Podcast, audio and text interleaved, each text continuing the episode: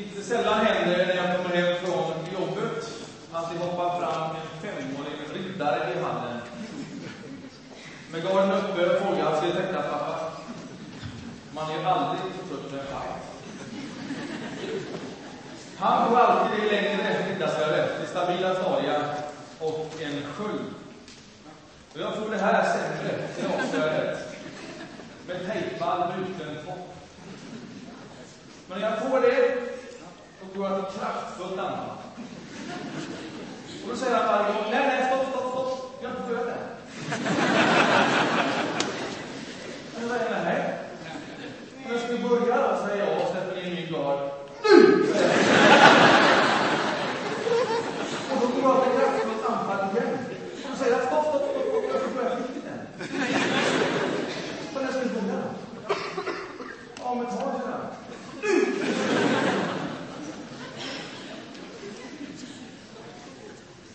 Nu är någon orolig för min uppfostrans metod hemma. Det där är på allvar. Det finns bara en som hamnar längst upp på pallen. Det har inte både far och son. En går därifrån som segrare och en som förlorare.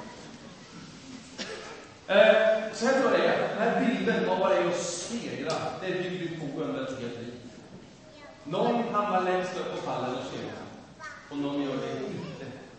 Det bygger på en mängd olika sätt.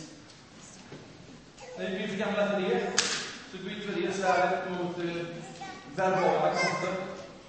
Jag menar, vem i ett samtal vill inte visa att man verkligen kan tillföra något?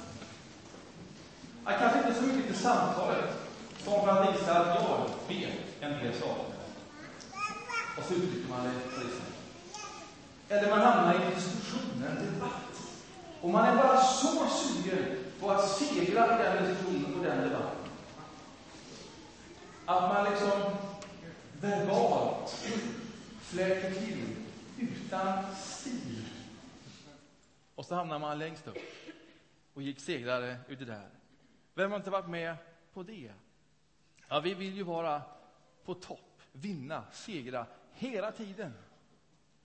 Alla ni här har väl fonder som en del av ert pensionssparande? Alltså alla har väl det, har väl fått det som är löntagare i Sverige, en liten procent. Och om man är något inne och vet var de har hamnat så vill man ju gärna att det man har valt ska hamna topp fem, topp tio på listan. Man vill ju vara där, topp. Man vill ju vinna, man vill ju segra hela tiden. Man vill stå överst på pallen, eller åtminstone väldigt långt upp på pallen. Om det är något som jag, så funkar vi så. Vi vill vinna, vi vill vara betydelsefulla. Och det finns olika saker för oss som får oss att känna oss så. Så här har det alltid varit. Så här har det alltid varit, tror jag. Också när profeten talar om en kung som kommer. En som seger är given, det är orden om kungen. En som ska förinta stridsvagnar och hästar och förinta alla vapen och förkunna fred för alla till världens ände. När man då hörde de orden om denna kung som seger skulle vara given, ja, men då fanns det starka föreställningar om hur det skulle gå till för att vinna en sån seger. Ja, men det kan man ju själv känna. Hur skulle det gå till? För att hamna längst upp på pallen. För en sån kung. Det sitter liksom i kroppen på oss vad det är att segra. Och så ska det ske av någon, säger profeten, som kommer i ringhet och på en åsna. Och det uttalandet måste ju bara ha skapat frågetecken. Fanns väl ingen resonansbotten för det uttalandet om de överhuvudtaget la notis om det uttalandet i profetian. Att det skulle ske av någon i ringhet och på en åsna. Efter flera hundra år så kommer då han som är given seger. Det var ju orden. Och förväntningarna hos ett förtryckt folk De är enorma och de stiger. Och de undrar, kan det vara nu det händer? Kan det vara nu som vi är med om detta? Vi av alla. Är det nu stridsvagnar och vapen ska förintas och fred förkunnas? Är det nu vi ska segra? Är det nu vi inte längre ska leva ockuperade? Politiskt, militärt, socialt. Är det nu? Och alla dessa känslor och förväntningar är det som spelar i Hosianna-ropen när Jesus rider in i stan. Och han gör precis som profeten har sagt. Han rider in på en åsna i ringhet, i ödmjukhet, i enkelhet. Och när han gör det så är väl det fortfarande en gåta för de som är där samlade omkring honom. Varför gör han det? Ja, profeten har ju sagt det, men varför gör han det? Varför kommer han i ringhet när någonting så stort, en sån seger, ska vinnas? För det är ju det de alla har i sikte. Det är ju det som får dem att skrika av glädje. Och hur hans intåg i ringhet på en åsna, hur det hänger samman med seger, det går inte att förstå. Inte för någon. Ingen förstår det. Och när Jesus sen fortsätter sin väg in i staden, in i Jerusalem, när han låter sig tas till fångas, när han hånas, när han torteras och när han till sist låter sig avrättas, ja, men då blir ju talet om seger, om möjligt, än mer obegripligt. Alltså, ingen förstod att det var det som hände. Ingen förstod att det var ringheten som var grejen. Man såg det andra, som man hade föreställningar om, som vi alla har föreställningar om. Föreställningar som vi bygger på ett helt liv.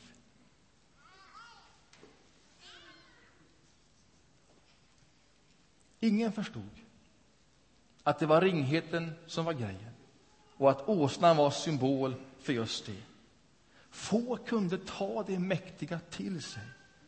Att han, Guds son, Gud på jorden, mötte alla människor i ögonhöjd där från sin låga åsna.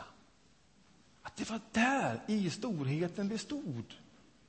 Och han mötte alla så, oavsett vem de var i hans väg, på hans väg in i Jerusalem. Och han gjorde det utan att någon räknade ut att det var denna ringhet, att det var detta totala utgivande. Att han gav dem sitt allt, sin kärlek, sitt liv. Att det var det som var grejen. Ja, hur skulle någon kunna tänka så? Ingen av oss tänker ju så. Vi har det inte i kroppen. Vi tänker annorlunda om seger än vad som beskrivs i alla de texter som vi har läst i den här gudstjänsten. Vi är så laddade med bilder av vad verklig seger innebär Ja, men det är att kämpa sig högst upp på pallen med begränsad yta för några människor.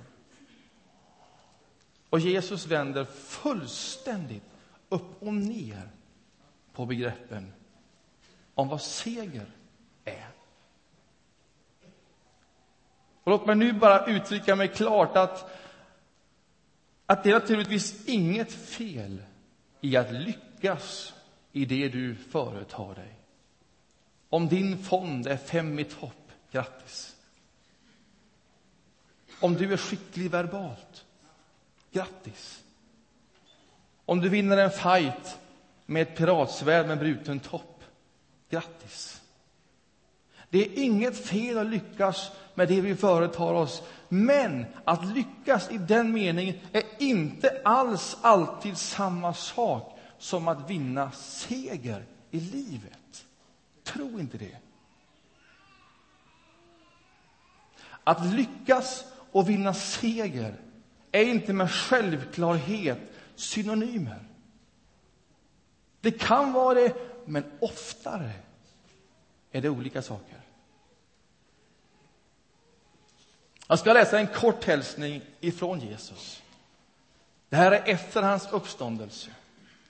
När han har segrat över den yttersta av gränser, av fiender, döden.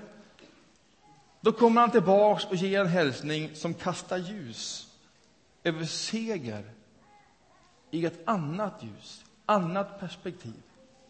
Det står så här i Uppenbarelseboken,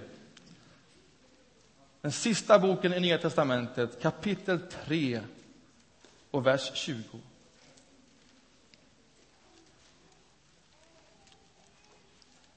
Visa iver och vänd om. Se, jag står vid dörren och bultar.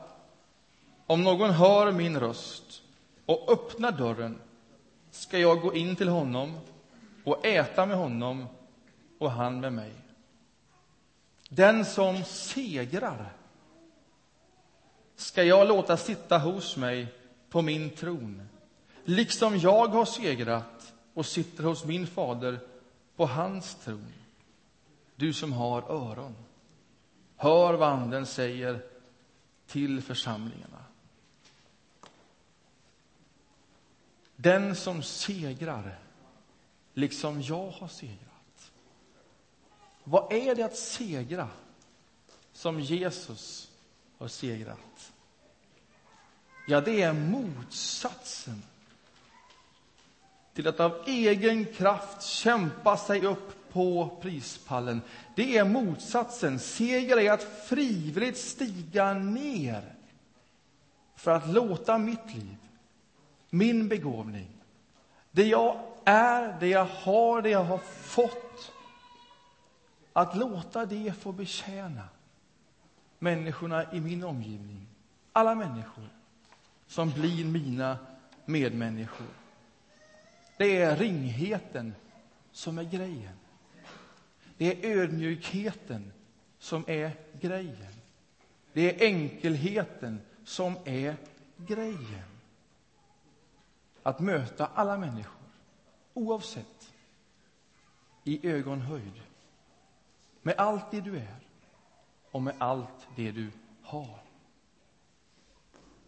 Alldeles före den här texten, som vi nu har läst, så kommer en annan hälsning som får ladda upp till denna text. Också det är en hälsning från Jesus där han sätter ord från sitt perspektiv på den grupp människor som han talar till. Och han säger, du säger att du är rik och att du inte saknar någonting. Och så säger han, men jag säger dig att du är fattig. Ja, att du är blind och att du är naken. Och kanske är det så med det som vi tänker som vårt livs stora segrar, att det är lite med dem som med kejsarens nya kläder. Någon har talat om för oss att så här är det. Det är att kämpa oss upp, att samla, samla på hög. Det är mer, det är mer, det är finare, det är finare. Någon har sagt att så här är det. Och när vi väver den sortens mantel, alla kommer bara säga, vad fin den är. Och ska någon våga säga att han inte ens finns? Att den där osynliga tråden som den var vävd med inte var någonting annat än en idé? Att vi var lurade av någon. Och för detta la vi vår bästa tid, vår bästa energi. Allt laddar vi den sortens mantel med. Vem ska våga säga det?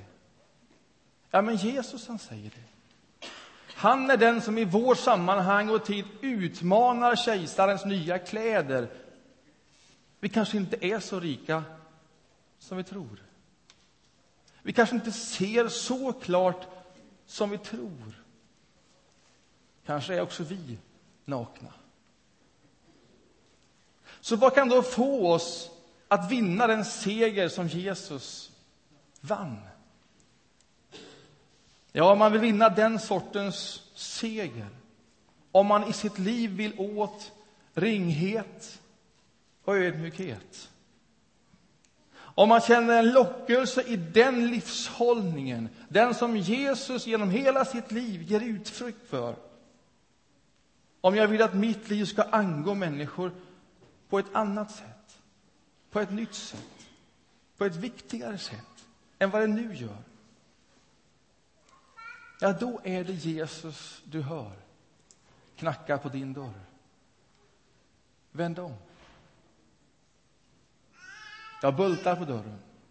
Och om någon hör den bultningen, om någon ser det som låg i ringheten och ödmjukheten, ja, då hör man min röst. Och hör du min röst? Om det är någonting av detta som du vill för ditt liv, öppna dörren, så stiger jag in. Och då stiger jag in i det mest intima. Då stiger jag in kring ditt bord. Och där dukar du upp allt det som är ditt liv. Allt det som hittills har blivit ditt liv. Och där sitter vi. Där sitter jag, där sitter Jesus Kristus. Där sitter vi och det blir vår nya utgångspunkt. Och är det inte en ny utgångspunkt så kanske det är en förnyad utgångspunkt.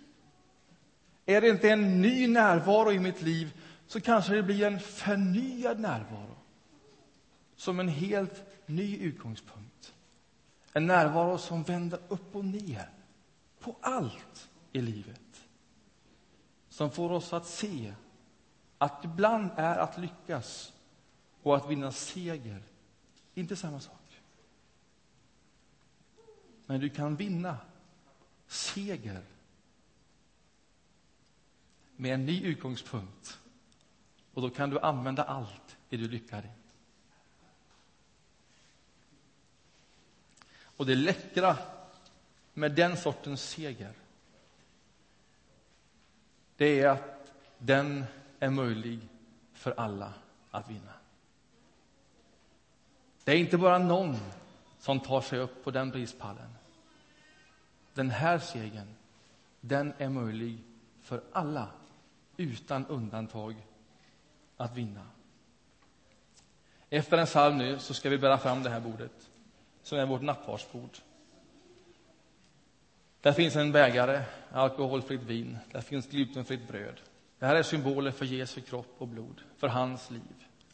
För hela hans liv, för hans död och för hans uppståndelse. Här står den här måltiden dukad, som vi har läst om i den här texten.